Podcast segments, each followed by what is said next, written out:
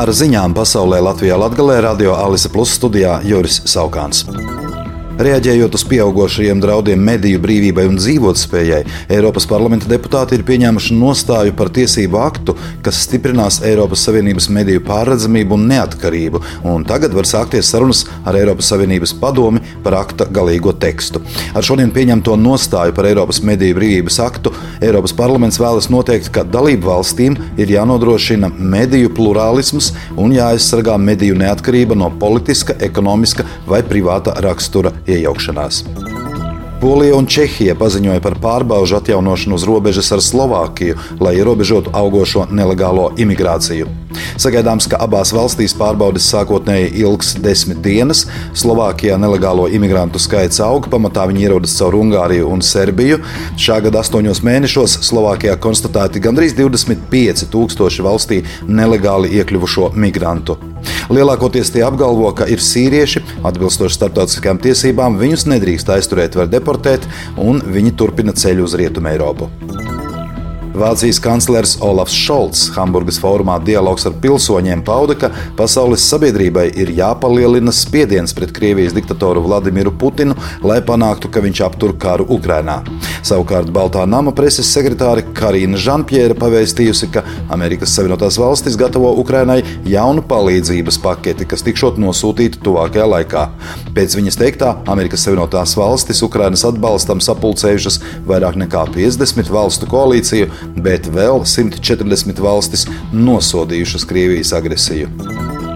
Finanšu nozares asociācija noreaģējusi uz Seimas budžeta un finanšu nodokļu komisijas priekšsēdētāja Jāņa Reira no jaunās vienotības publiskiem izteikumiem, paziņojot, ka tie grauj Latvijas finanšu sistēmas un valsts reputāciju.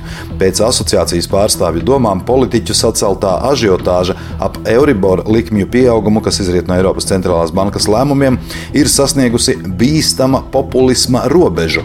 Reirs šodien bija pamatīgi iepriecinājis publiku skaidrojot, ka hipotekārā kredīta procentu, Euribor likmes un banku piemērotās procentu likmes maksājumiem varētu noteikt 50% atlaidi uz gadu. Par šādu konceptu šodien vienojās arī Saimas budžeta un finanšu nodokļu komisija.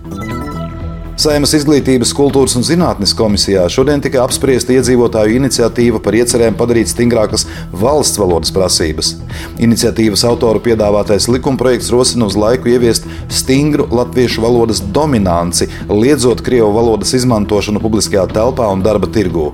Tiesību sarga biroja pārstāvi Latvijas darba devēju konfederācijas un Latvijas tirdzniecības un rūpniecības kameras pārstāvi pauda, ka konceptuāli gan it kā atbalsta valsts valodas stiprināšanu, bet par pašu piedāvāto likumprojektu esot zināmas pretenzijas, jo labāk un loģiskāk varētu būt bijis stiprināt valsts valodas likuma normas. Oficiālajā izdevumā Latvijas vēstnesis publiskots, ka akciju sabiedrība Daugopils siltumtīkli plāno par 5% pazemināt siltumapgādes tarifu.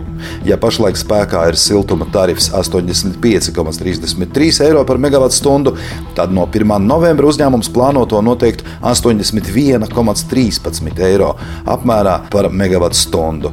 Uzņēmums pamato tarifu izmaiņas ar kurināmā izmaksu kritumu.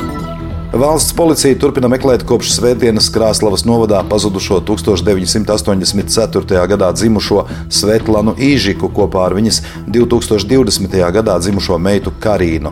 Informācija par pazudušajām izsludināta pa visu Latviju. Jāpiezīmē, ka sievietei ir psihiskas dabas problēmas, bet meitenei nepieciešama nepārtraukta medicīniskā palīdzība.